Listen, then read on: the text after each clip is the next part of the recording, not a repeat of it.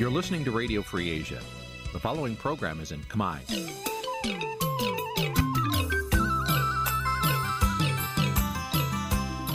នេះជាកម្មវិធីផ្សាយ Vuthu Azizi Serai នេះជាកម្មវិធីផ្សាយរបស់ Vuthu Azizi Serai ជាភាសាខ្មែរ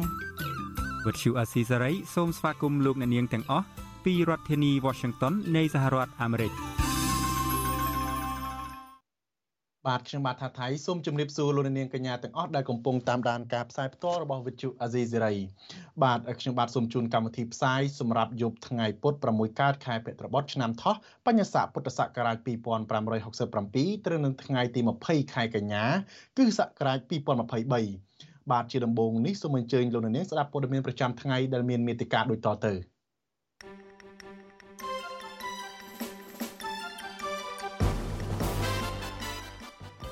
បកប្រឆាំងថាលោកហ៊ុនសែនបង្ហោះរូបភាពពលរដ្ឋនៅក្រៅស្រុកគាំទ្រលោកហ៊ុនម៉ាណែតទៅអាមេរិកដើម្បីបន្លប់ផ្នែកអន្តរជាតិអ្នកសិក្សាព័ត៌មានវិទ្យាប្រួយបារម្ភអំពីការជ្រៀតជ្រែកកិច្ចការផ្ទៃក្នុងរបស់ស្ថាប័នជាតិកម្ពុជាពីសំណាក់ក្រុមហ៊ុន Huawei មេធាវីការពីក្តីសង្ឃឹមថាតុលាការនឹងលើកលែងការចោទប្រកាន់លើលោកថាជាថា អ្នកជំនាញកសិកម្មលោកនីណាចេញពីមន្ទីរពេទ្យនឹងបន្តទៀមទាយុទ្ធធររួមនឹងព័ត៌មានសំខាន់សំខាន់មួយចំនួនទៀត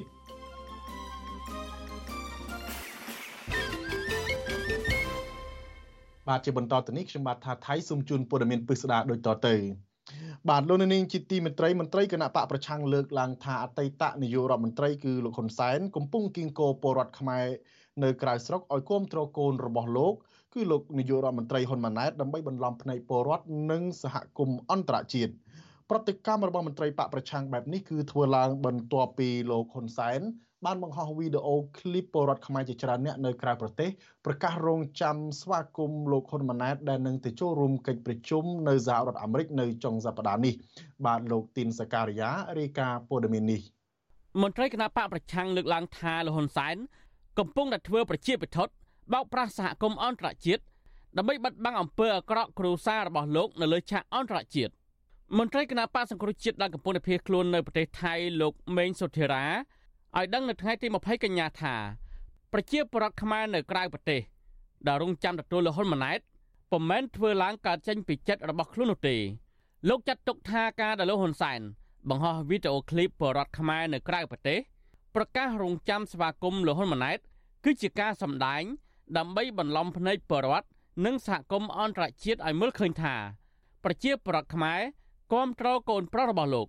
យើងដឹងស្រាប់ហើយគណៈបព្វជិជនជាគណៈបកមួយដែលប្រព្រឹត្តអំពើពុករលួយដុសឆ្លែចឹងក៏មានលទ្ធភាពក្នុងការជួលមនុស្សឬក៏ជួលយន្តហោះដឹកអ្នកដែលគ្រប់គ្រងលោកហ៊ុនម៉ាណែតនឹងឲ្យមកចូលរួមគ្រប់គ្រងមុខអង្គការសហប្រជាជាតិដើម្បីបង្ហាញអន្តរជាតិថាលោកហ៊ុនម៉ាណែតមានការគ្រប់គ្រងច្រើនពីប្រជាពលរដ្ឋជាពិសេសគឺពលរដ្ឋនៅក្រៅប្រទេសដែលឲ្យតម្លៃចឹងអ្វីដែលយើងមើលឃើញរូបភាពជាក់ស្ដែងគឺប្រទេសទាំងអស់នោះគេអត់មានខ្វល់រឿងលោកហ៊ុនម៉ាណែតឬលោកហ៊ុនសែនគៀកោមនុស្សទេគេគ្រាន់តែលើកអំពីបញ្ហាលទ្ធិប្រជាធិបតេយ្យសិទ្ធិមនុស្សនិងសិទ្ធិសេរីភាពសារព័ត៌មាននិងដោះលែងសកម្មជនបពប្រឆាំងប្រហែលថ្ងៃចុងក្រោយនេះលោកហ៊ុនសែន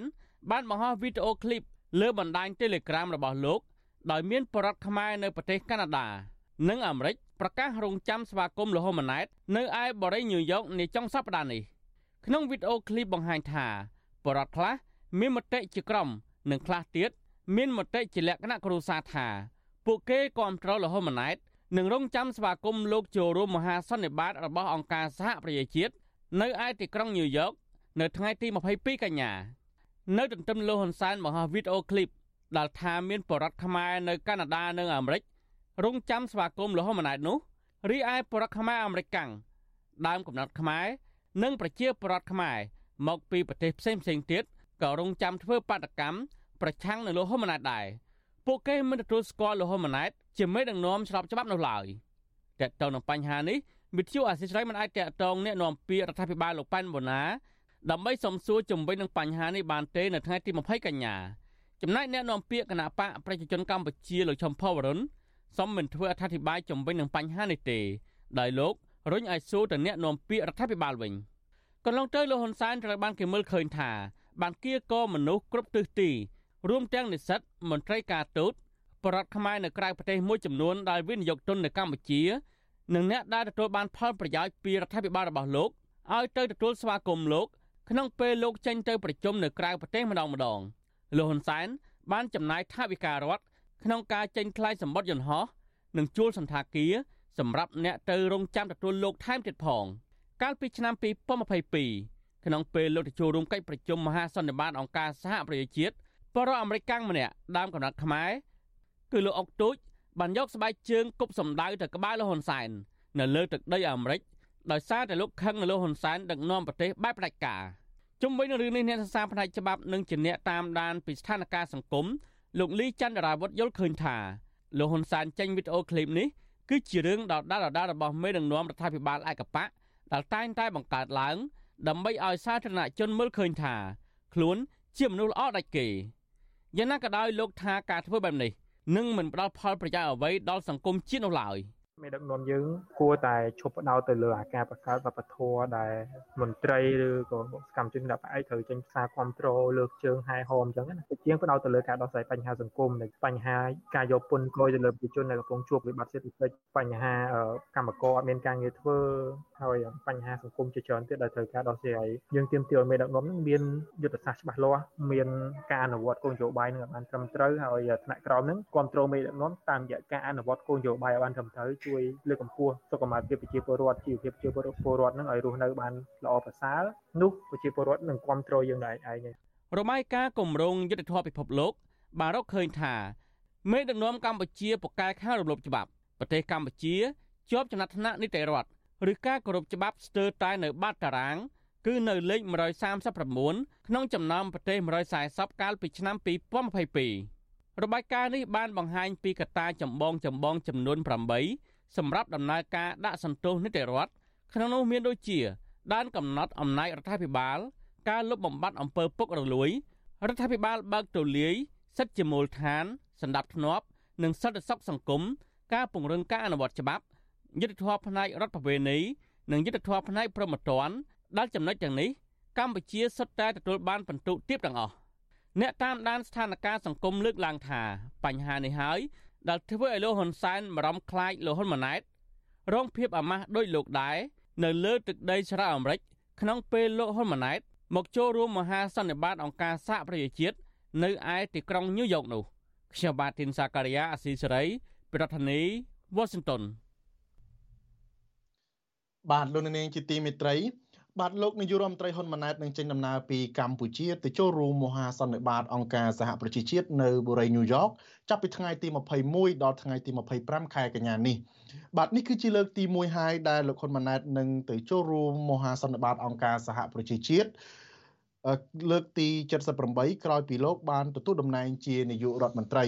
បាទលោកហ៊ុនម៉ាណែតនឹងថ្លែងសន្ទរកថាគន្លឹះរបស់លោកនៅក្នុងមហាសន្និបាតនេះដោយផ្ដោតទៅលើប្រធានបទសំខាន់សំខាន់ចំនួន3រួមមានបរិបទពិភពលោកវឌ្ឍនភាពសង្គមសេដ្ឋកិច្ចកម្ពុជានិងការបដិញ្ញាចិត្តរបស់កម្ពុជាចំពោះសកម្មភាពបដិវត្តកម្មនៃគោលដៅអភិវឌ្ឍដោយជារភាពឬហៅថា SDG លោកហ៊ុនម៉ាណែតមកចូលរួមមហាសន្និបាតអង្គការសហប្រជាជាតិលើកទី78នេះនៅស្របពេលប្រទេសកម្ពុជាក្រោមការដឹកនាំរបស់លោកនិងឪពុករបស់លោកគឺលោកហ៊ុនសែននោះរំលោភសិទ្ធិមនុស្សបំផ្លាញលទ្ធិប្រជាធិបតេយ្យចាប់អ្នករិះគន់និងសកម្មជនគណៈបកប្រឆាំងដាក់ពន្ធនាគារជាបន្តបន្ទាប់បាទរីឯនៅក្រៅអគារអង្គការសហប្រជាជាតិវិញ ប្រជាពលរដ្ឋអាមេរិកកាំងដើមកំណត់ខ្មែរនិងប្រជាពលរដ្ឋខ្មែរមកពីប្រទេសផ្សេងផ្សេងគ្នាក៏នឹងជួបជុំគ្នាធ្វើបាតុកម្មប្រឆាំងនឹងការដឹកនាំរបស់លោកហ៊ុនម៉ាណែតនៅថ្ងៃសុក្រទី22កញ្ញាដែរពួកគេចាត់ទុកថាលោកហ៊ុនម៉ាណែតមិនមែនជានាយករដ្ឋមន្ត្រីស្របច្បាប់កើតចេញពីការបោះឆ្នោតត្រឹមត្រូវនិងយុត្តិធម៌ឡើយ បាទតកតងទៅនឹងរឿងនេះដែរវិទ្យុអាស៊ីសេរីក៏នឹងផ្សាយផ្ទាល់ពិសេសមួយចេញពីបរិវេណអង្គការសហប្រជាជាតិនៅបូរីញូវយ៉កនៅយប់ថ្ងៃសុក្រទី22កញ្ញានេះបាទក្រុមការងាររបស់វិទ្យុអាស៊ីសេរីនឹងតាមដានកិច្ចប្រជុំរបស់អង្គការសហប្រជាជាតិសកម្មភាពរបស់លោកហ៊ុនម៉ាណែតនិងរាយការណ៍ពីពលរដ្ឋខ្មែរដែលធ្វើបាតកម្មប្រឆាំងនឹងលោកហ៊ុនម៉ាណែតផងដែរបាទសូមលោកនាងរងចាំកម្មវិធីផ្សាយផ្ទាល់ ពិសេសរបស់វិទ្យុអាស៊ីសេរីចេញពីទីក្រុងញូវយ៉កដែលលោកជុនច័ន្ទបុតជាអ្នកសម្របសម្រួលកម្មវិធីនេះបាទ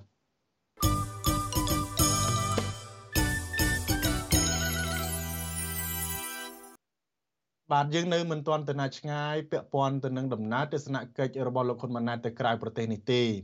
បាទក៏ប៉ុន្តែ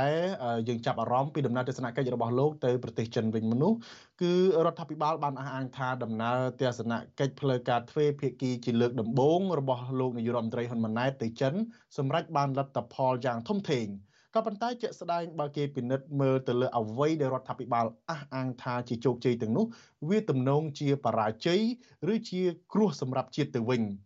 បាទតើតើអ្វីខ្លះជាបរាជ័យឬក៏ជាគ្រោះដល់ជាតិដោយសារតែលោកហ៊ុនម៉ាណែតទៅអោបក្រសោបចិននោះបាទសូមស្ដាប់សេចក្តីរាយការណ៍របស់លោកមានរិទ្ធដូចតទៅ ស្ទើរតែក្លាយជាប្រពៃណីទៅហើយដែលនៅរៀងរាល់ពេលដែលមានដំណើរទស្សនកិច្ចរបស់នាយករដ្ឋមន្ត្រីទៅក្រៅប្រទេសម្ដងម្ដងប្រព័ន្ធឃោសនារបស់រដ្ឋាភិបាលតែងប្រកាសក្តែងក្តែងថាដំណើរទស្សនកិច្ចនោះសម្រេចបាននូវជោគជ័យនិងសមិទ្ធផលជាច្រើនឥតកណនាបើទោះបីជាគេមិនដឹងឲ្យពិតប្រាកដថាតើជោគជ័យនិងសមិទ្ធផលទាំងនោះ មានអ្វីជាក់លាក់ក៏ដោយពលគឺគ្មានឡើយប្រាជ័យ ដំណើរទស្សនកិច្ចផ្លូវការរយៈពេល3ថ្ងៃជាលើកដំបូងរបស់លោកនាយរដ្ឋមន្ត្រីហ៊ុនម៉ាណែតទៅចិនលើកនេះក៏ទំនងជាមិនខុសគ្នាដែររដ្ឋាភិបាលអះអាងថាលោកហ៊ុនម៉ាណែតសម្រាប់បាននូវលទ្ធផលយ៉ាងធំធេងទាំងផ្នែកទំនាក់ទំនងការទូតកិច្ចសហប្រតិបត្តិការទ្វេភាគីផលប្រយោជន៍សេដ្ឋកិច្ចនិងការវិនិយោគជាដើមខ្ញុំទៅចិនបញ្ជាក់ជំហរគោលនយោបាយការទូតរបស់យើងជាមួយចិនរបស់យើងនៅរក្សាទៅដែរ ព្រោះគោលនយោបាយនេះជាគោលនយោបាយរបស់គណៈបកប្រជាជនកម្ពុជា ដែលបានអនុម័តដោយអង្គសម្បត្តិវិសម័យបើទោះជាយ៉ាងនេះក្តីជាក់ស្ដែងបើគេពិនិត្យមើលទៅលើអ្វីដែលរដ្ឋាភិបាលអះអាងថាជាជោគជ័យទាំងនោះគេអាចសន្និដ្ឋានបានថាជោគជ័យទាំងនោះគឺជាប្រាជ័យឬជាគ្រោះសម្រាប់ជាតិទៅវិញទេ ខាងក្រោមនេះគឺជាប្រាជ័យធំធំចំនួន3ដែលលោកហ៊ុនម៉ាណែតនាំមកជូនជាតិ ក្រោយពេលលោកបានទៅប្រទេសចិនជួបជាមួយប្រធានាធិបតីចិន លោកស៊ីជីនពីងនិងមន្ត្រីកម្ពុជាកម្ពុជាដទៃទៀតរបស់ចិនបរាជ័យទី1គឺលោកបានយកអធិបតេយ្យកម្ពុជា ធ្វើជាឈ្នន់ទៅសន្យាជាមួយភៀកគីចិន បន្តគ្រប់គ្រងគោលនយោបាយចិនតែមួយនឹងថាបញ្ហានៅហុងកុងតៃវ៉ាន់និងតំបន់ស៊ីនជៀងជាកិច្ចការផ្ទៃក្នុងរបស់ចិន លោកធ្វើដូច្នេះដើម្បីទទួលបានការគ្រប់គ្រងនិងការជួយកាងអំណាចឬទទួលស្គាល់ភាពស្របច្បាប់នៃរដ្ឋាភិបាលរបស់លោក ពីសំណាក់ភាគីចិនការដែលលោកជ្រើសរើសយកចិនធ្វើជាប្រទេសទី1ទៅធ្វើទស្សនកិច្ចទ្វេភាគីជាផ្លូវការគឺជាតកតាងបង្ហាញឲ្យឃើញយ៉ាងច្បាស់ពីរឿងនេះនិងភាពជាកូនជើងនិងចវាយនីរវាងកម្ពុជានិងចិន លោកហ៊ុនម៉ាណែតបានយកកម្ពុជាទៅចុះខសន្យាជាមួយមេដឹកនាំចិនថាកម្ពុជាប្រឆាំងនឹងការប៉ុនប៉ងនានានៅក្នុងការជ្រៀតជ្រែកកិច្ចការផ្ទៃក្នុង របស់ប្រទេសចិនរារាំងឬទប់ទល់នឹងប្រទេសចិន តាមរយៈការធ្វើដូច្នេះលោកបានបន្តរុញច្រានកម្ពុជាឲ្យធ្លាក់ចូលក្នុងហានិភ័យនៃចំនួនភូមិសាស្ត្រនយោបាយកាន់តែខ្លាំងជាមួយក្រុមប្រទេសលោកខាងលិចប រាជ័យទី2គឺគ្មានឡើយការគ្រប់សិទ្ធិមនុស្សនិងប្រជាធិបតេយ្យលោកហ៊ុនម៉ាណែតបញ្ជាក់សារជាថ្មីជាមួយភាគីចិនថាកម្ពុជានឹងប្រឆាំងដាច់ខាត ចំពោះការធ្វើនយោបាយលើបញ្ហាសិទ្ធិមនុស្សការអនុវត្តស្តង់ដារ2និងការជ្រៀតជ្រែកចូលកិច្ចការផ្ទៃក្នុងរបស់ប្រទេសដទៃក្រោមហេតុផលសិទ្ធិមនុស្សឬប្រជាធិបតេយ្យ លោកក៏បានបដិញ្ញាពង្រឹងកិច្ចសហប្រតិបត្តិការជាមួយចិន នៅក្នុងរឿងដែលភាគីទាំងពីរប្រសិទ្ធនាមថាជាការជ្រៀតជ្រែកពីខាងក្រៅ និងបដិវត្តពណ៌នេះគឺជាមេសូតដដែលដដែលដែលក្រមប្រទេសផ្ដាច់ការនិងកុម្មុយនីសនិយម តែងតែយកមកប្រើប្រាស់ដើម្បីបិទបាំងនឹងការគ្រប់គ្រងអំណាចបែបផ្ដាច់ការរបស់ខ្លួន កម្ពុជា មានសម័យខ្មែរក្រហមជាឧទាហរណ៍ស្រាប់ ប្រាជ័យទី3គឺការបន្តពឹងផ្អែកខ្ចីដង្ហើមចិនដកគ្មានទីបញ្ចប់នឹងការអនុញ្ញាតឲ្យចិនយកកម្ពុជាធ្វើជាផ្នែកមួយបម្រើឲ្យមហិច្ឆតាប្រចាំសតវត្សរបស់ចិន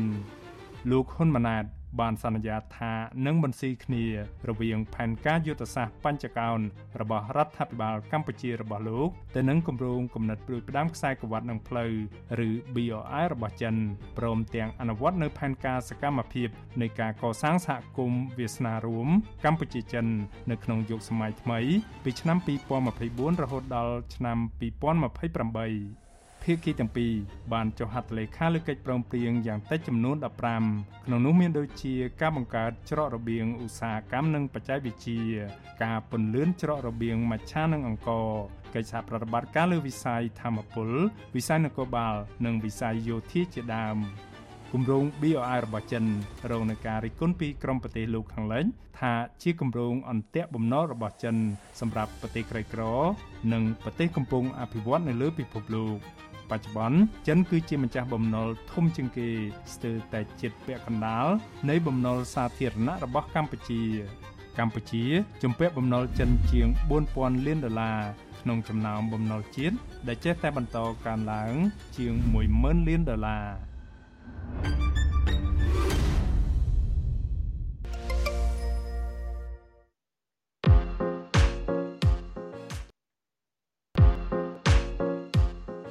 អ្វីដែលលោកបណ្ឌិតលើកឡើងចុងក្រោយនេះថាបើសិនជាធ្វើអញ្ចឹងទេវាអត់ដើរបានឆ្ងាយទៅទេណា តើគួរធ្វើបែបណាទៅវិញដើម្បីឲ្យដើរបានឆ្ងាយដើម្បីឲ្យនៅបានថិតថេរហើយដើម្បី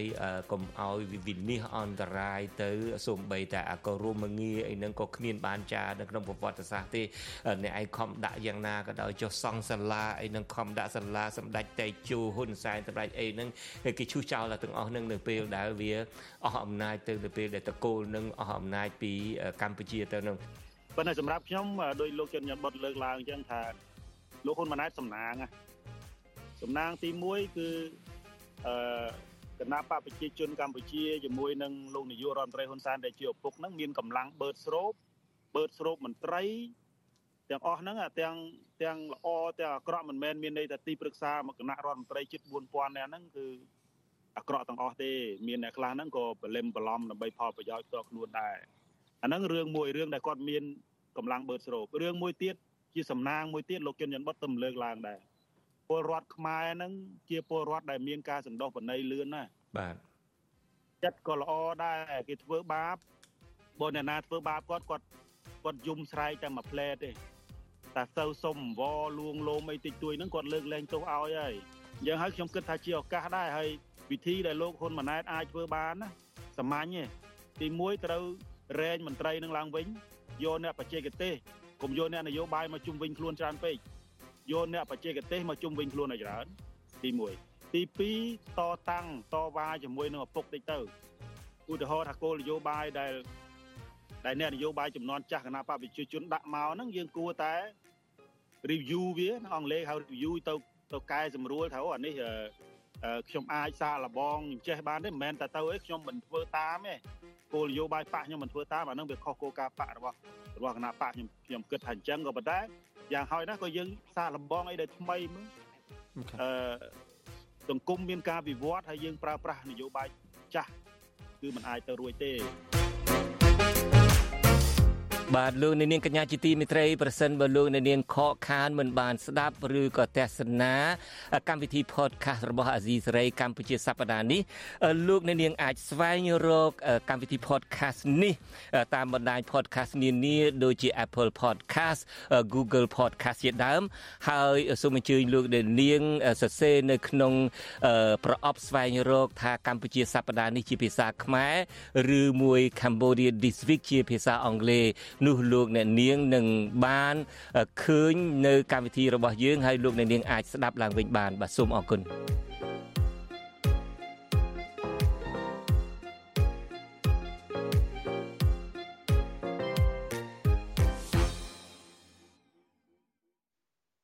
បាទលោកនាងជាទីមេត្រីកម្មវិធី podcast នេះយើងនឹងចាក់ផ្សាយរៀងរាល់ព្រឹកថ្ងៃសៅរ៍ហើយយើងក៏នឹងចាក់ផ្សាយឡើងវិញ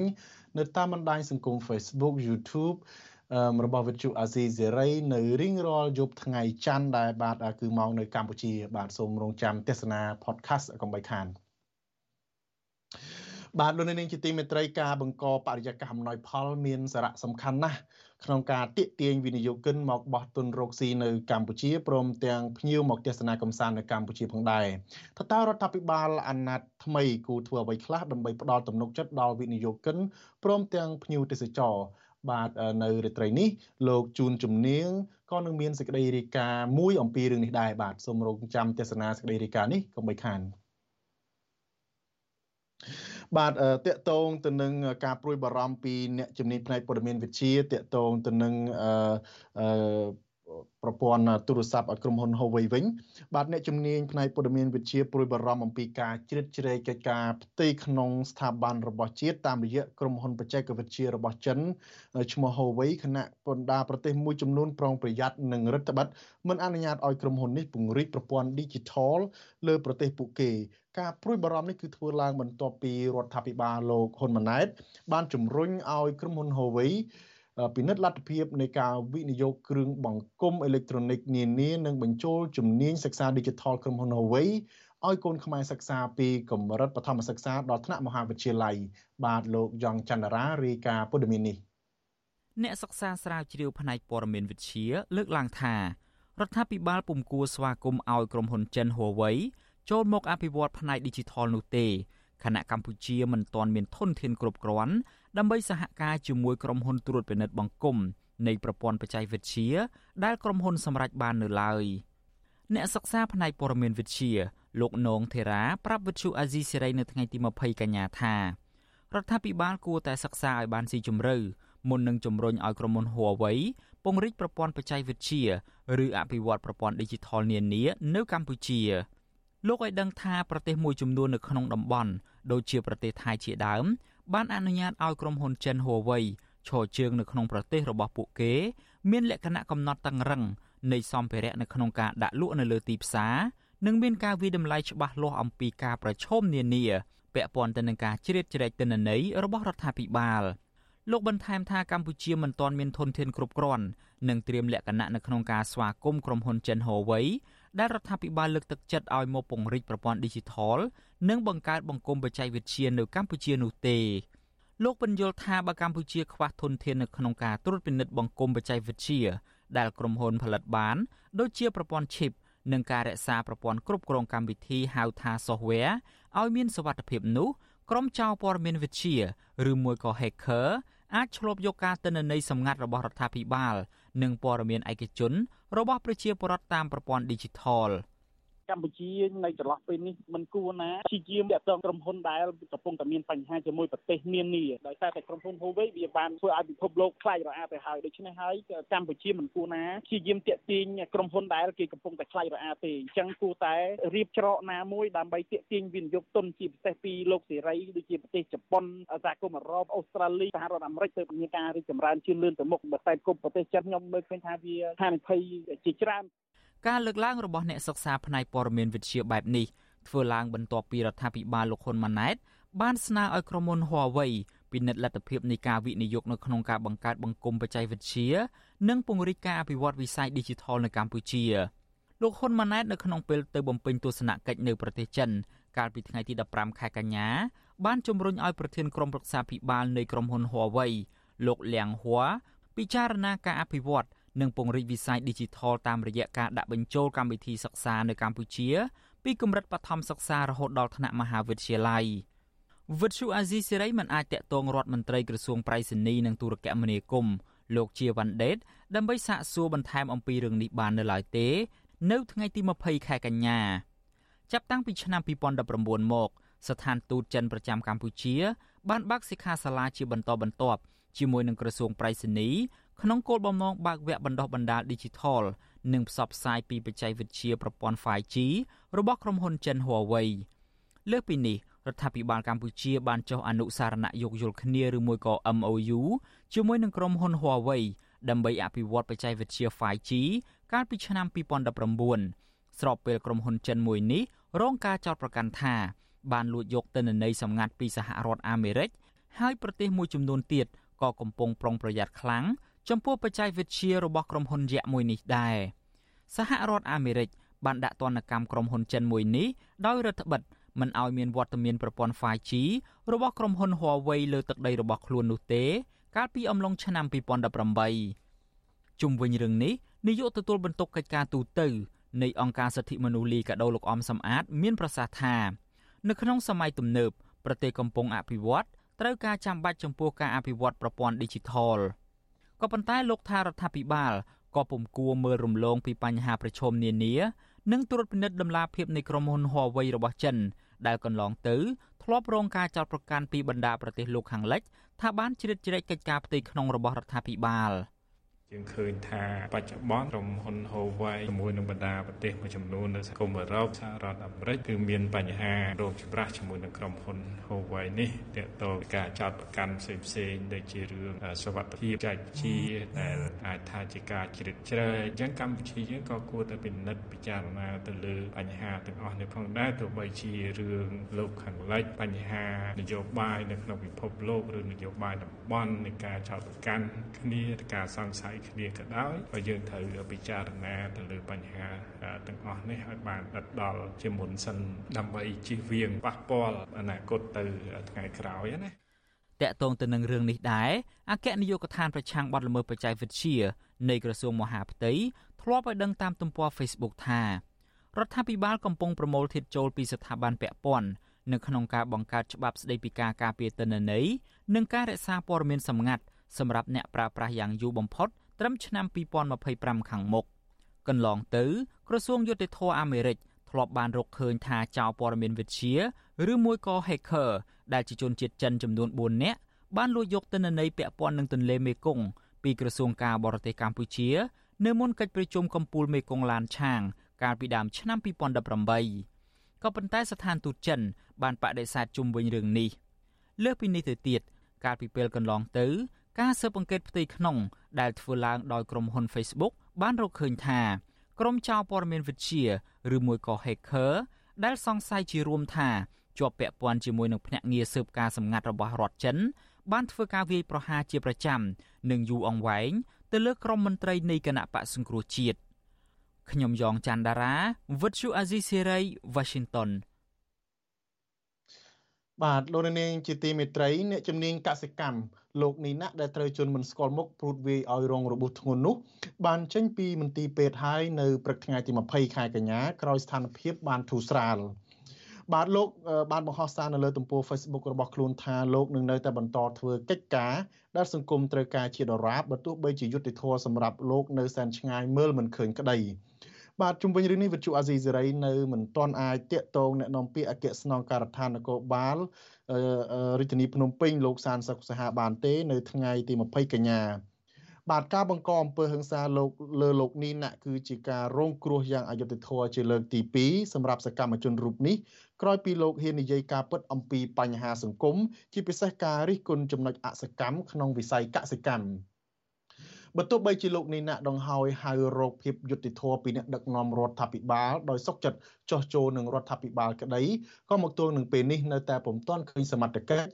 ចាប់ខ្លួនជនដៃដល់ណាម្នាក់ដែលបានប៉ុនប៉ងឆក់យកជីវិតរបស់លោកមកផ្ដន់ទោសនៅឡើយទេ បាទនៅរាត្រីនេះយើងក៏បានភ្ជាប់ទូរស័ព្ទដើម្បីសម្ភាសជាមួយនឹងលោកនីណាផ្ទាល់ដែរជុំវិញរឿងនេះបាទសូមជម្រាបសួរលោកនីណាបាទបាទជម្រាបសួរលោកថាថៃបាទ បាទអរគុណលោកនេះណាអឺសូមចូលរួមសុខស្ដាយជាថ្មីម្ដងទៀតចំពោះអំពើហិង្សាដែលកើតលើរូបលោកហើយលោកនេះណាអាចជួយជម្រាបជូនដល់អ្នកស្ដាប់បន្តិចបានទេតើតើមកដល់ពេលនេះស្ថានភាពរបួសរបស់លោកនឹងយ៉ាងណាហើយបាទបាទអរគុណវិទ្យុអស៊ីសេរីហើយសម្រាប់ស្ថានភាពសុខភាពរបស់ខ្ញុំបាទនៅពេលនេះគឺខ្ញុំនៅមិនតាន់ជានៅឡើយទេបាទដៃនៅរបួសជ្រៅហើយប៉ុន្តែនៅអឺ លេបថ្នាំចាក់ថ្នាំបន្តនៅផ្ទះហើយជើងខាងឆ្វេងហ្នឹងគឺมันមិនអាចដើរបានទេវាឈឺនៅពេលដែលយើងឈរវាឈឺខ្លាំងប៉ុន្តែរបួសក្បាលរបួសផ្នែកផ្សេងផ្សេងបានជាអស់ហើយបាទបាទបាទអឺសូមបកក្រោយទៅបន្តិចលោកនីណាតើលោកអាចជួយរៀបរាប់ជូនលោកនាងអ្នកស្ដាប់បន្តិចបានទេអំពីហេតុការណ៍ដែលបានកើតឡើងលើរូបលោកនៅថ្ងៃដែលមានការវិដំនោះបាទ បាទសង្ខេបគឺខ្ញុំបានធ្វើដំណើរពីអ្នកប្តីប្រពន្ធចេញពីឃ្លាំងផលិតជីកំប៉ុស្តរបស់ខ្ញុំដែលស្ថិតនៅទីតាំងសង្កាត់ព្រែកថ្មីក្បែរវត្តចម្ពុះក្អែកហើយធ្វើដំណើរត្រឡប់មកផ្ទះដែលផ្ទះខ្ញុំនៅខណ្ឌសែនសុខចឹងខ្ញុំធ្វើដំណើរបានតាមផ្លូវប្រហែលជា20នាទីមកដល់ខាងជើងវត្តព្រែកប្រាបន្តិចហ្នឹងគឺគ្រោះថ្នាក់ក៏បានកើតឡើងនៅទីហ្នឹងហើយ នៅពេលហ្នឹងខ្ញុំមិនបានដឹងច្បាស់ថាតើគេបុកឬក៏គេធាក់គឺខ្ញុំអត់ដឹងទេ ពេលហ្នឹងខ្ញុំបានដួលទៅលើថ្មទាំងប្តីទាំងប្រពន្ធហ្នឹងហើយស្របពេលដែលខ្ញុំកំពុងដួលនេះគឺមានមនុស្សដែលជិះម៉ូតូហួសខ្ញុំហ្នឹងគឺឈប់ម៉ូតូហើយចុះមកគឺចុះមកវាយខ្ញុំតែម្ដងហើយពេលហ្នឹងគឺមួកសុវត្ថិភាពរបស់ខ្ញុំមិនតាន់បានរបើកចេញពីក្បាលទេហើយពួកគេមកពីក្រោយអ្នកទៀតក៏ចាប់ដោះមួកខ្ញុំចេញពីក្បាលហើយក៏ វាយដោយដំបងដែលដែលយើងចុចឲ្យលូតឲ្យវែងហ្នឹងមកបាទពេលហ្នឹងហើយដែលប្រពន្ធខ្ញុំគាត់ទុះមកជួយហើយគាត់គាត់ត្រូវបានសម្ដេចដល់ហ្នឹងវាយបន្ថែមបានដំបងដែរខ្ញុំរត់ចេញពីហេតុហ្នឹងទៅកាន់ឃ្លាំងអេចាយមកកន្លែង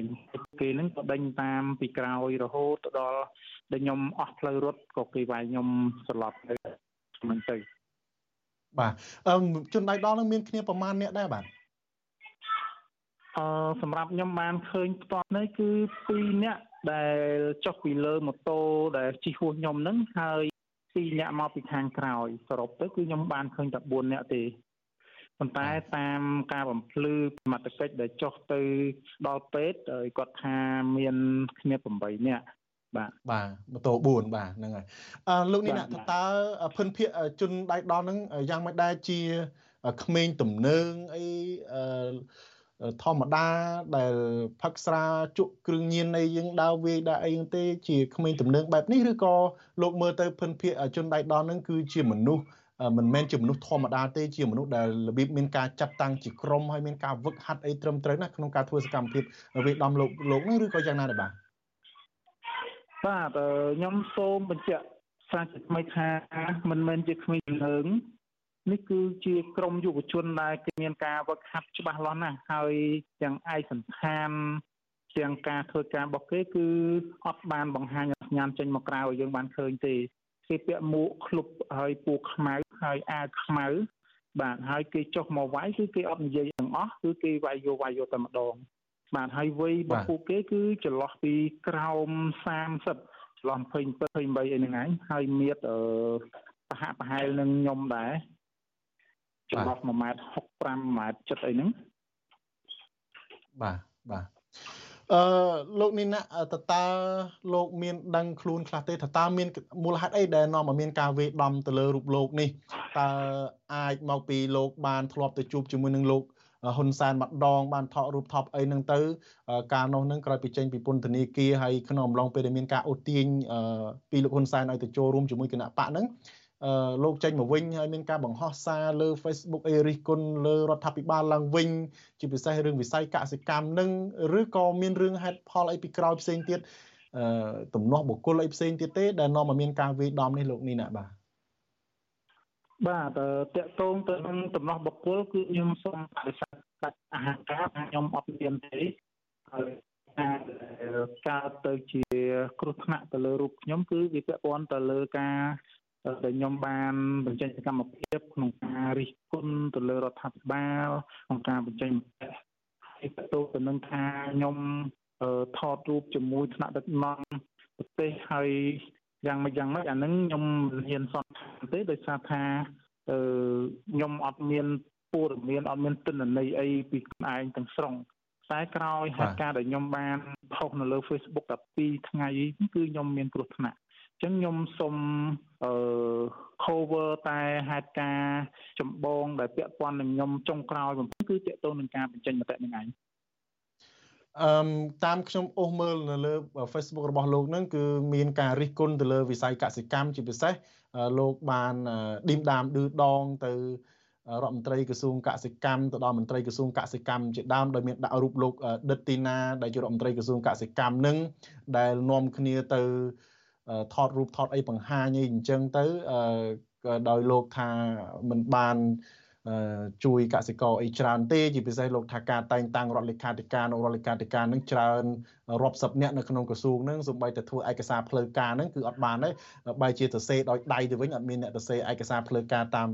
កុំព្យូទ័រអីបានត្រឹមត្រូវអីចឹងទៅតើតើរឿងនេះយ៉ាងម៉េចដែរលោកនេះណាការរិះគន់នឹងដោយសារតែរិះគន់រឿងវិស័យកសិកម្មនឹងតែម្ដងឬក៏យ៉ាងម៉េចដែរបាទពីព្រោះអឺថ្មីថ្មីនេះលោកនេះណាបានជ្រាបហើយថាអឺ សារព័ត៌មានមួយគឺកម្ពុជាបានចុះផ្សាយដោយរៀបរាប់អំពីការរិះគន់របស់លោកនៅលើបណ្ដាញសង្គម Facebook ហ្នឹងគឺខាងក្រសួងកសិកម្មហ្នឹងបានប្រតិកម្មខ្លាំងខ្លាំងហើយសូមឲ្យដកឈ្មោះលោកដែលដិតទីណានឹងចេញពីទំព័រកាសែតនឹងទៀតផងហើយប្រមានចាត់វិធានការច្បាប់ចំពោះការផ្សារភ្ជាប់ករណីហិង្សារំលោភជាមួយនឹងការរិះគន់ទៅលើក្រសួងកសិកម្មនឹងដែរបាទតើមានយល់យ៉ាងម៉េចទេបាទ បាទជាការពិតគឺខ្ញុំបានរិះគន់ទៅលើចំណុចធ្វើការរបស់មន្ត្រីក្រសួងកសិកម្មតែនៅក្នុងការរិះគន់របស់ខ្ញុំនឹងខ្ញុំអត់បានផ្ដោតទៅលើរដ្ឋមន្ត្រីផ្ដោតទៅលើឯកឧត្តមណាជាក់លាក់គឺខ្ញុំគ្រាន់តែយកសកម្មភាពជាក្រុមរបស់ពួកគាត់មកធ្វើការរិះគន់ដូច្នេះអឺតកតងទៅនឹងថាអឺ គាត់ប្រតិកម្មចំពោះខ្ញុំយ៉ាងម៉េចចំពោះអាយដាមរដ្ឋមន្ត្រីលទីណាឬយ៉ាងម៉េចខ្ញុំអត់ដឹងទេគ្រាន់តែថាពីភាគពីខាងខ្ញុំគឺខ្ញុំរិះគន់វិស័យកសិកម្មទាំងមូលមិនផ្ដោតទៅលើរដ្ឋមន្ត្រីមិនផ្ដោតទៅលើតែបុគ្គលណាម្នាក់ទេឲ្យតែពួកគាត់ធ្វើការមិនមាននីតិវិធីឲ្យបានត្រឹមត្រូវក្នុងការជួយលើកកម្ពស់វិស័យកសិកម្មគឺខ្ញុំត្រូវតែនិយាយ បាទអញ្ចឹងសម្រាប់លោកនេះណាបើទោះបីជាមកដល់ពេលនេះលោកមិនទាន់ចង្អុលមុខថាអ្នកណាជាអ្នកនៅពីក្រោយកិច្ចកម្មនឹងក៏ដោយក៏ប៉ុន្តែលោកយល់ថាគឺពាក់ព័ន្ធជាមួយនឹងការរិះគន់របស់លោកនឹងឯងគឺការវាយនេះគឺជាសញ្ញានៃការបិទសិទ្ធិបញ្ចេញមតិរបស់លោកតែម្ដងបាទត្រឹមត្រូវបាទ អឺលោកនេះណាថាតើមកដល់ពេលនេះមានដំណឹងអីពីប៉ូលីសទេពីព្រោះយើងបានលើពីប៉ូលីសមួយចំនួនដែរខ្ញុំបានមុននឹងសភាលោកនេះខ្ញុំធ្លាប់បានតាក់ទងទៅភរិយារបស់លោកដោយគាត់បានប្រាប់ខ្ញុំថាខាងប៉ូលីសនឹងបានប្រមូលយកកាមេរ៉ាសវត្ថិភាពអីហ្នឹងហើយនៅក្នុងកាមេរ៉ាសវត្ថិភាពហ្នឹងថាបានឃើញរូបភាពជនដៃដល់ហ្នឹងមានគ្នា8នាក់មានម៉ូតូ4គ្រឿងឈុតពណ៌ខ្មៅហ្នឹងក៏ប៉ុន្តែរូបភាព ភិនភាកឲ្យកំណត់អត្តសញ្ញាណឲ្យច្បាស់លាស់ហ្នឹងគឺថាมันมันច្បាស់ទេដោយសារមានរូបកាមេរ៉ាហ្នឹងចាំងពន្លឺថ្ងៃអីជាដើមហើយនៅពេលដែលភរិយារបស់លោកសុំពិនិត្យមើលកាមេរ៉ាហ្នឹងក៏ប៉ូលីសហ្នឹងបដិសេធមិនឲ្យមើលថែមទៀតហើយថ្មីថ្មីនេះសារព័ត៌មានយើងហ្នឹងក៏បានសម្ភាសជាមួយនឹងអ្នកនាំពាក្យក្រសួងមហាផ្ទៃគឺលោកទូចសខៈហ្នឹងលោកបានអះអាងថាសមត្ថកិច្ចហ្នឹងបានពិនិត្យមើលចុះទៅស្រាវជ្រាវយកចិត្តទុកដាក់រឿងហ្នឹងខ្លាំងណាស់ ហើយបានគ្រប់គ្រងរឿងរ៉ាវនៅកន្លែងកើតហេតុហ្នឹងដោយអាចថាគ្រប់គ្រងបានអត្តសញ្ញាណជនដៃដល់នឹងថែមទៀតផងហើយសន្និដ្ឋានថាករណីនេះគឺជាករណីប្លន់ទ្រព្យសម្បត្តិទៅវិញតើលោកនេះមកដល់ពេលនេះយ៉ាងម៉េចដែរបានដំណឹងតម្រុយអីហើយជាករណីប្លន់ទ្រព្យសម្បត្តិអីយ៉ាងម៉េចទេឬក៏បែបណាដែរបាទ បាទហើយខ្ញុំមិនតានទទួលបានព័ត៌មានអាប់ដេតពីខាងសមត្ថកិច្ចពីស្ថាប័នណាមួយនៅឡើយទេក្រៅតែពីសំងំព្យាបាលសុខភាពនៅ clinic ជនហើយនឹងចេញមកផ្ទះថ្ងៃនេះអញ្ចឹងអឺតកតងនឹងការ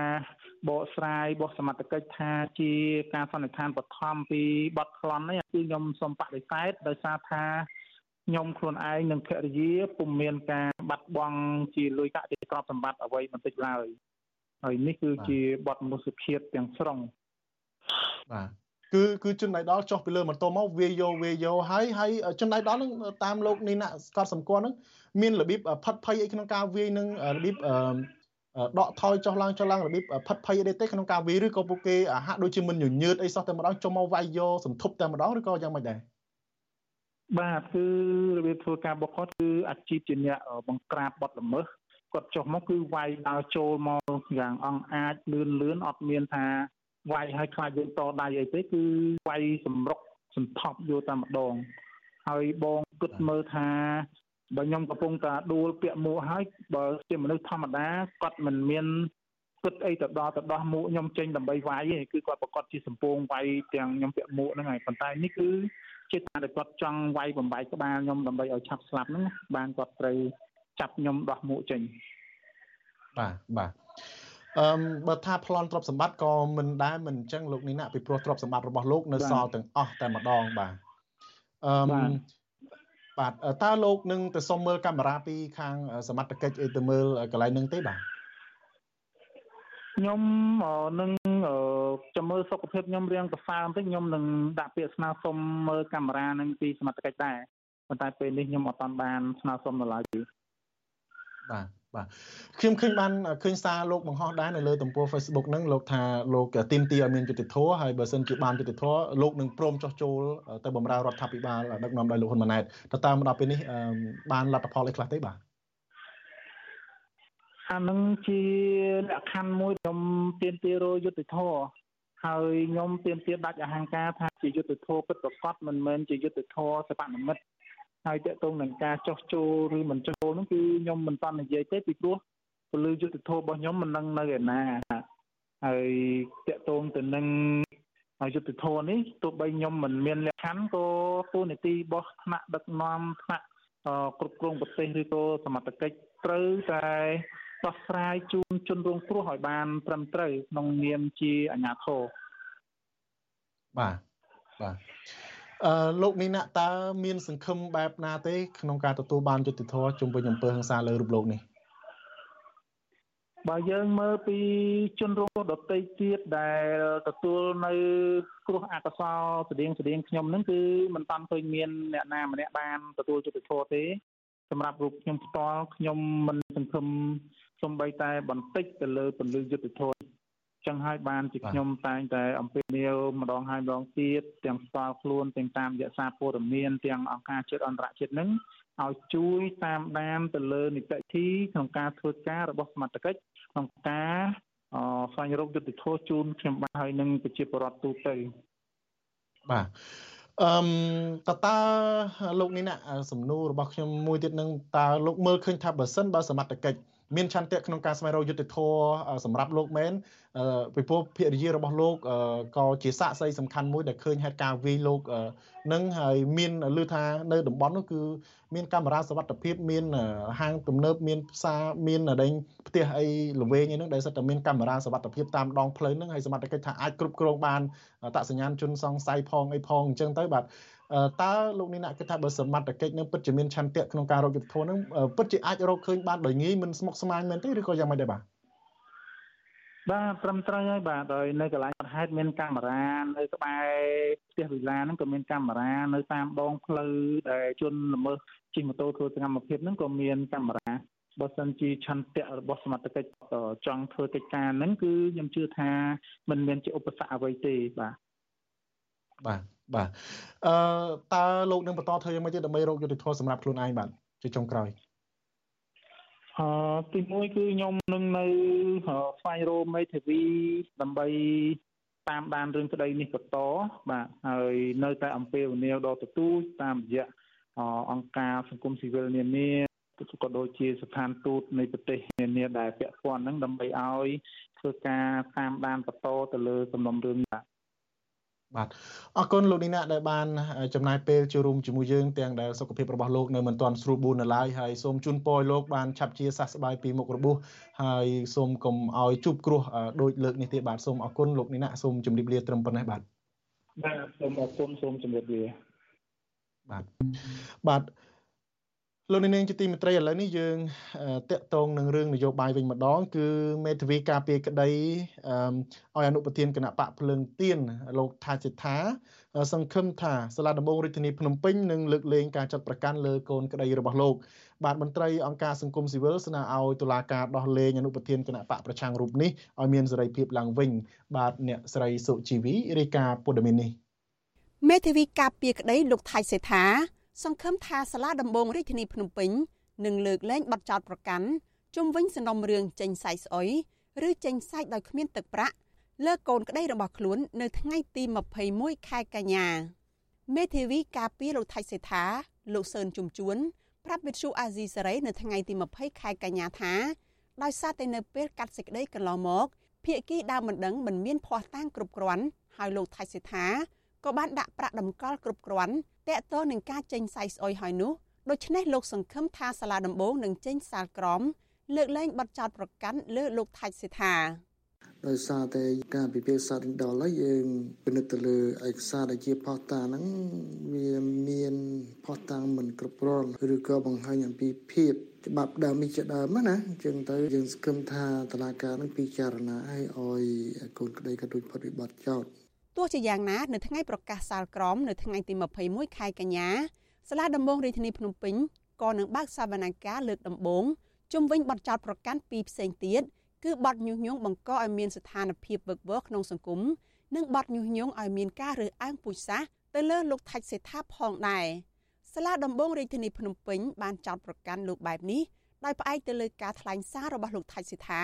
ក្នុងពេលបំពេញទស្សនកិច្ចនឹងជួបអ្នកគាំទ្រគណៈបកភ្លើងទៀន នៅប្រទេសជប៉ុន កាលពីចុងឆ្នាំ2022និងនៅប្រទេសកូរ៉េខាងត្បូងកាលពីដើមឆ្នាំ2023យ៉ាងនេះក្តីកាលពីខែឧសភាកន្លងទៅលោកថៃសិដ្ឋាក៏បានបដិសេធបទចោទប្រកាន់ទាំងពីរនេះដែរដោយលោកអះអាងថាការលើកឡើងរបស់លោកគ្រាន់តែជាការចែករំលែកចំណេះដឹងពីប្រវត្តិសាស្ត្រតែប៉ុណ្ណោះស្ថិតក្នុងវ័យ70ឆ្នាំលោកថៃសិដ្ឋាត្រូវបានសមត្ថកិច្ចក្រុងភ្នំពេញចាប់ខ្លួនកាលពីថ្ងៃទី16ខែមករាហើយការចាប់ខ្លួននេះ នៅក្នុងពេលដែលលោកកំពុងមានជំងឺធ្ងន់ធ្ងរប្រចាំកាយជាច្រើនរួមមានជំងឺខ្សោយបេះដូងលើសជាតិអាស៊ីតនិងលើសជាតិស្ករជាដើមដោយសារស្ថានភាពជំងឺធ្ងន់ធ្ងរនេះគ្រួសារលោកថៃសិដ្ឋាតែងទទូចដល់តុលាការឲ្យដោះលែងលោកឲ្យមានសេរីភាពឡើងវិញដើម្បីឲ្យលោកមានឱកាសជួបជុំគ្រួសារនិងព្យាបាលជំងឺនៅខាងក្រៅពន្ធនាគារជុំវិញរឿងនេះដែរនាយកទទួលបន្ទុកកិច្ចការទូតនៃអង្គការឃ្លាំមើលសិទ្ធិមនុស្សលីកាដូ លោកអមសំអាតមានប្រសាសន៍ថាដោយសារសំណុំរឿងរបស់លោកថាច់សេថាត្រូវបានសហគមន៍អន្តរជាតិចាត់ទុកថាជារឿងនយោបាយដូច្នេះរដ្ឋាភិបាលនឹងទទួលបានការសាទរពីសហគមន៍អន្តរជាតិប្រសិនបើតុលាការសម្រេចលើកលែងបទចោទប្រកាន់និងដោះលែងលោកថៃសេដ្ឋាឲ្យមានសេរីភាពវិញ។ ញាធរពាក់ព័ន្ធទាំងអស់រួមទាំងរាជរដ្ឋាភិបាលលោកគួរតែពិនិត្យនិងពិចារណាផងជាពិសេសចំពោះសកម្មជនគណៈបកនយោបាយសកម្មជនសិទ្ធិមនុស្សដែលយើងឃើញថារាល់ដងមកក៏ជា វប្បធម៌មួយល្អដែរដើម្បីពុទ្ធូបន្ថយនៃបរិយាកាសតាមតាំងផ្នែកនយោបាយឬសិទ្ធិមនុស្សឬក៏លទ្ធិប្រជាធិបតេយ្យហ្នឹងគឺមានការសម្របសម្រួលនៅក្នុងការដោះលែងឲ្យមានពួកគេមានសេរីភាពវិញអាហ្នឹងក៏វាជារឿងមួយយ៉ាងដែរដើម្បីបើកលំហនៃលទ្ធិប្រជាធិបតេយ្យនិងការគោរពសិទ្ធិមនុស្សគិតមកដល់ត្រឹមថ្ងៃទី20ខែកញ្ញានេះលោកថៃសិដ្ឋាបានជាប់ឃុំនៅពន្ធនាគារព្រៃសរអស់រយៈពេល235ថ្ងៃមកហើយ ក្រុមអង្គការជាតិនិងអន្តរជាតិព្រមទាំងបណ្ដាប្រទេសប្រជាធិបតេយ្យចាត់ទុកបទចោទប្រកាន់លើលោកថៃសិដ្ឋាជាបន្តបន្ទាប់មកនេះថាជារឿងនយោបាយសុទ្ធសាធនិងទាមទារឲ្យដោះលែងអ្នកនយោបាយចាស់វសារូបនេះមកវិញជាបន្ទាន់ដើម្បីលើកកម្ពស់ការគោរពសិទ្ធិមនុស្សនិងលទ្ធិប្រជាធិបតេយ្យនៅកម្ពុជា នាងខ្ញុំសុជីវីវិទ្យុអាស៊ីសេរីពីរដ្ឋធានី Washington បាទលោកនាងជាទីមេត្រីឥឡូវនេះយើងងាកទៅមើលមុខរបរនេសាទរបស់ប្រជាពលរដ្ឋនៅតាមដងទន្លេសាបវិញម្ដងបាទពលរដ្ឋរស់នៅជាប់បឹងទន្លេសាបក្នុងខេត្តបាត់ដំបងត្អូញត្អែថាទិន្នផលត្រីនៅក្នុងរដូវវស្សានេះបានធ្លាក់ចុះជាងឆ្នាំមុនមុនបង្កជាបញ្ហាសេដ្ឋកិច្ចនៅក្នុងគ្រួសារមន្ត្រីអង្គការសង្គមស៊ីវិលថាអាញាធរគួរតែស្រង់ទិន្នន័យនិងផ្ដល់ជំនួយជាស្បៀងអាហារទៅដល់ពលរដ្ឋកំពុងជួបការលំបាកនៅក្នុងតំបន់នោះបាទលោកជីវិតារាយការណ៍ព័ត៌មាននេះ ពលរដ្ឋរស់នៅភូមិបាក់ព្រាឃុំព្រៃចាស់ស្រុកឯកភ្នំ ដែលប្រកបរបរនេសាទត្រីត្អូញត្អែថា នៅក្នុងរដូវវស្សាឆ្នាំនេះគឺពុំសូវមានត្រីនោះទេពលរដ្ឋលើកឡើងថាកាលពី3ឆ្នាំមុន ពួកគាត់ធ្លាប់តែនេសាទបានត្រីចន្លោះពី100ទៅ200គីឡូក្រាមក្នុងមួយថ្ងៃក៏ប៉ុន្តែនៅឆ្នាំនេះពួកគាត់នេសាទបានត្រឹមតែចន្លោះពី10ទៅ20គីឡូក្រាមតែប៉ុណ្ណោះក្នុងមួយថ្ងៃពលរដ្ឋបញ្ជាក់ថា បរិមាណត្រីធ្លាក់ចុះបែបនេះគឺបណ្ដាលមកពីការកសាងទំនប់ទឹកនៅផ្នែកខាងលើ គឺទំនប់សាឡាតាអន ដែលខាំងទឹកមិនឲ្យហូរចុះមកខាងក្រោមកាលពីដើមរដូវវស្សាអំឡុងខែឧសភា និងខែមិថុនាអ្នកភូមិបាក់ព្រាឃុំព្រៃចាស់ស្រុកឯកភ្នំលោកស្រីយ៉ាវហ្វាន់ប្រាប់វិទ្យុអាស៊ីសេរីនៅថ្ងៃទី20កញ្ញាថា នៅពេលនេសាទត្រីមិនបានដូច្នេះគ្រួសារលោកស្រីកំពុងខ្វះខាតអាហារបរិភោគ មិនបាច់ចាំថាអ្នកខ្លះអីទៅខ្ញុំមានពេលខ្លះដាច់អង្គដែរខ្ចីគេចិត្តខាងទៅទៅពេលទៅរើសខ្យល់បានទៀតទៅក៏ទិញមកសងគេវិញពលរដ្ឋនៅភូមិបាក់ព្រាម្នាក់ទៀតគឺលោកស្រីសេងថឹកថ្លែងថាការនេសាទត្រីនៅឆ្នាំនេះគឺពុំសូវទទួលបានទិន្នផលច្រើនដូចឆ្នាំមុនមុននោះទេធ្វើឲ្យអ្នកភូមិបាក់ព្រាមួយចំនួនកំពុងតែជួបបញ្ហាជីវភាព ចាពិបាកក្មួយពិបាកមែនទែនរੂអីមិនទៅបានអ្នកណាគ្នារੂជួងការអ្នកដែលគ្នាគ្មានលបអីធំដុំទៅដើររੂរាយមួងរាយសទូក៏រាយអត់បានដែរក្រៅពីរបរនេសាទដែលកំពុងមានបញ្ហានេះអ្នកភូមិបាក់ព្រា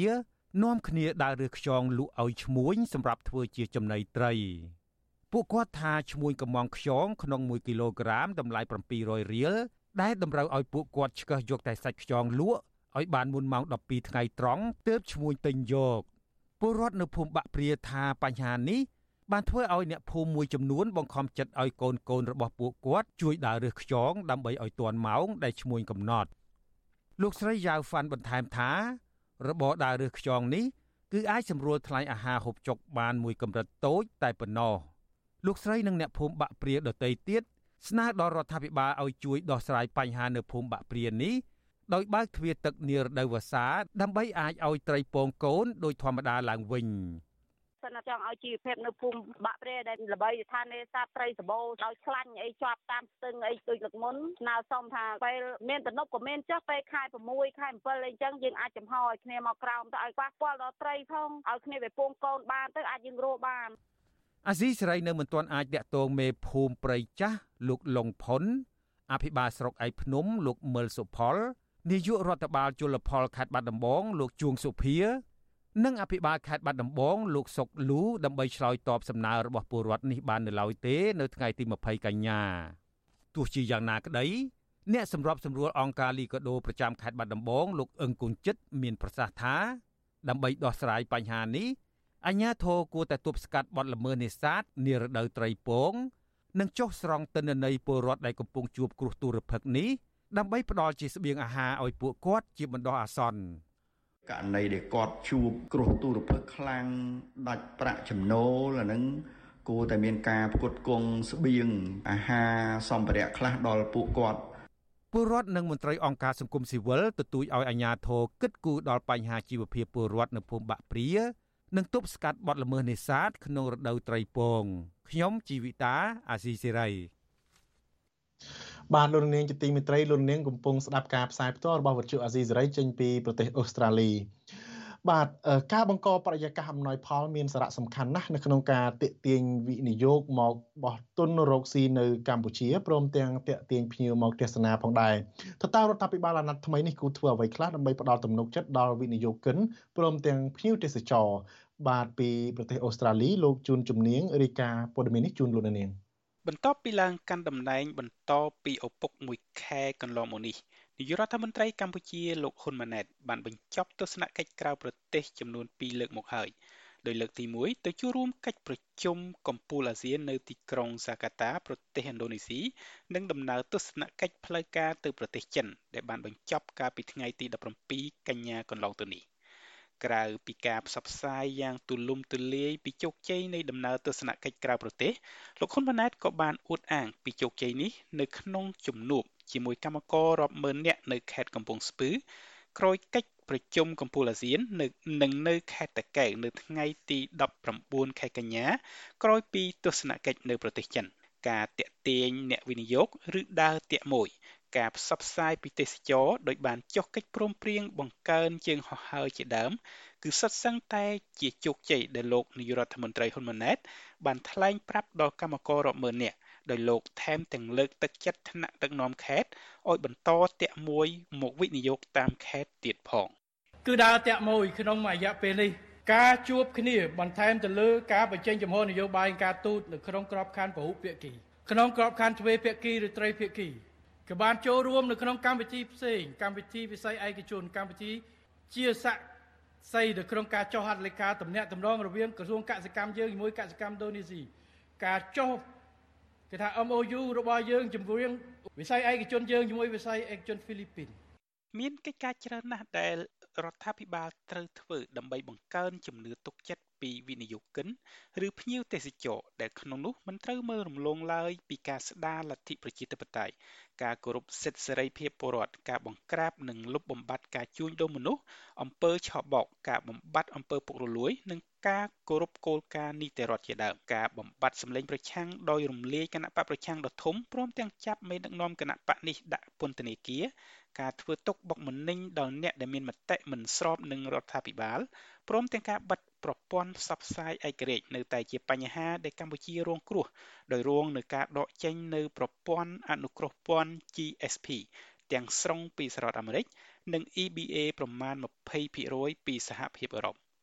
រដ្ឋសភាដែលជាស្ថាប័នតាមច្បាប់អាចកោះហៅមន្ត្រីរដ្ឋាភិបាលមកធ្វើការសាកសួរនៅពេលមានបញ្ហាណាមួយមិនប្រក្រតីក៏ហាក់មិនអើពើលើរឿងរ៉ាវអសកម្មរបស់រដ្ឋាភិបាល បានធ្វើឲ្យរដ្ឋាភិបាលមានអំណាចពេញដៃចង់ធ្វើអ្វីបានតាមចិត្តព្រឹត្តិការណ៍ថ្មីថ្មីលើការចាប់សកម្មជនគណបកប្រឆាំងនៅខេត្តបន្ទាយមានជ័យនិងការលួចវាយប្រហារធ្វើឲ្យសកម្មជនផ្នែកកសិកម្មដែលហ៊ានរិះគន់លើភាពអសកម្មរបស់រដ្ឋាភិបាលមិនសំចៃមាត់គឺលោកនីណានៅដើមខែកញ្ញានេះជាវិញ្ញាសាថ្មីមួយទៀតសម្រាប់រដ្ឋាភិបាលអាណត្តិថ្មីនេះប្រកាសណាស់ប្រសិនបើគ្មានការដោះស្រាយណាមួយប្រកបដោយតម្លាភាព នឹងអាចទទួលយកបានក្នុងការផ្ដល់យុត្តិធម៌ដល់ជនរងគ្រោះទេ វានឹងធ្វើឲ្យអ្នកវិនិយោគយកមកពិចារណាមុននឹងមកធ្វើការបណ្ដាក់ទុននៅកម្ពុជា ការឆ្លោះគ្នាក្នុងប្រទេសនេះប្រកាសណាស់នឹងមិនមែនជាការស្វាគមន៍ដល់វិនិយោគិនឬភ្ញៀវទេសចរនោះទេ ដែលនេះក៏មិនខុសពីអ្វីដែលលោកនាយរដ្ឋមន្ត្រីហ៊ុនម៉ាណែតបានថ្លែងណែនាំពេលលោកជួបកម្មករនៅខេត្តតាកែវនៅព្រឹកថ្ងៃទី19កញ្ញានេះថា ក្នុងគ្រួសារត្រូវតែល្អនឹងគ្នាដើម្បីឲ្យញាតរាប់អានការជួញដូរមនុស្សនិងអំពើឆបោកដែលកំពុងកើតមាននៅកម្ពុជាក៏ជាចំណុចមួយទៀតដែលមិនគួរមើលរំលងឡើយចង់ឬមិនចង់មេដឹកនាំត្រូវតែទទួលស្គាល់នៅបញ្ហានេះកំពុងតែកើតមានឡើងនៅកម្ពុជាជាក់ស្ដែងនៅក្នុងជំនួបដាច់ដោយឡែកនៅក្នុងកិច្ចប្រជុំកំពូលអាស៊ានប្រធានាធិបតីឥណ្ឌូនេស៊ីក៏បានលើកឡើងបញ្ហានេះជាមួយលោកនាយករដ្ឋមន្ត្រីហ៊ុនម៉ាណែតផងដែរដោយស្នើសុំកិច្ចសហការ ក្នុងការបង្ក្រាបបទល្មើសនេះ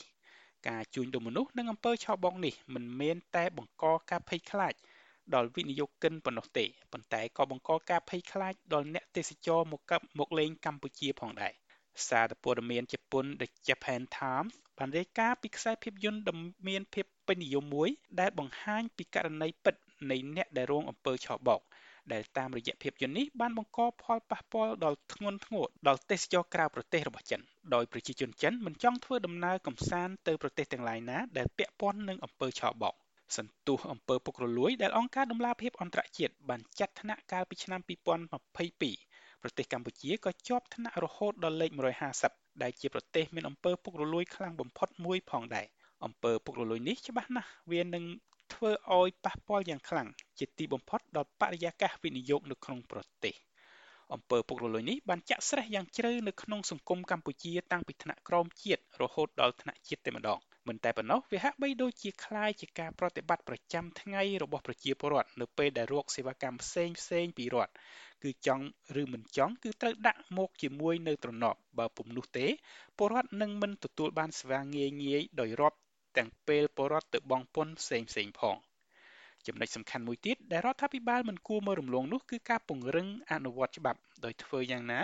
ពលរដ្ឋគ្រប់រូបត្រូវស្ថិត នៅក្រោមនឹងស្មើភាពចំពោះមុខច្បាប់ទាំងអស់គ្នាមានអំពើអយុត្តិធម៌ក្នុងសង្គមច្រើនណាស់ដែលបានកើតមានឡើងក្រោមការដឹកនាំរបស់រដ្ឋាភិបាលដែលដឹកនាំដោយអតីតនាយករដ្ឋមន្ត្រីហ៊ុនសែនកាលពីអាណត្តិមុនមុនជាក់ស្ដែងដោយករណីលោកអុកញ៉ាថោងសារ៉ាត់ដែលជាប់ពាក់ព័ន្ធនឹងការសម្លាប់មនុស្សឬអុកញ៉ាគិតខៀងដែលជាបងប្រុសរបស់អ្នកអុកញ៉ាគិតម៉េងពាក់ព័ន្ធនឹងការជួញដូរគ្រឿងញៀនជាដើមសិត តែមិនត្រូវបានផ្ដន់ទាទោសពេញលេញនិងតឹងរឹងតាមច្បាប់ផ្ទុយទៅវិញ ពួកគេទទួលបានការអនុគ្រោះជាច្រើនពីតុលាការនិងពន្ធនាគារនៅពេលពួកគេជាប់ឃុំខ្លួនដែលខុសពីក្រុមអ្នកនយោបាយសកម្មជនបកប្រឆាំងនិងសកម្មជនសង្គមដែលតឡាការអនុវត្តច្បាប់តឹងតែងនិងគ្មានការអនុគ្រោះកំថាឡើយលោកនាយរដ្ឋមន្ត្រីហ៊ុនម៉ាណែតខំបង្កើតគណៈកម្មការចំពោះកិច្ចឬខំប្រឹងប្រែងតាក់មួយដោយខ្លួនលោកយ៉ាងណាក៏ដោយ ក៏វិនិយោគិនឬភ្ញៀវទេសចរនៅតែខ្លាចរអាក្នុងការមកបណ្ដាក់ទុននៅកម្ពុជាដែរប្រសិនបើរដ្ឋាភិបាលមិនខិតខំដោះស្រាយលើវិបត្តិនយោបាយអំពើពុករលួយអំពើឆោបោកនិងយុត្តិធម៌សង្គមនោះទេខ្ញុំជួនជំនាញវិទ្យុអេស៊ីសេរី បាទលោកនាងជាទីមេត្រីការផ្សាយរយៈពេល1ម៉ោងរបស់វិទ្យុអាស៊ីសេរីនៅរាត្រីនេះបានមកដល់ទីបញ្ចប់ហើយខ្ញុំបាទសូមអរគុណដល់លោកនាងដែលមានភក្ដីភាពតាមដានការផ្សាយរបស់យើងតាំងពីដើមមកដល់ទីបញ្ចប់ខ្ញុំបាទសូមជូនពរដល់លោកនាងព្រមទាំងក្រុមគ្រួសារឲ្យជួបប្រកបទៅនឹងសេចក្តីសុខចម្រើនរុងរឿងកុំបីឃ្លៀងឃ្លាតឡើយខ្ញុំបាទថាថៃព្រមទាំងក្រុមការងារទាំងអស់នៃវិទ្យុអាស៊ីសេរីសូមអរគុណនិងសូមជម្រាបលារាត្រីសួស្តី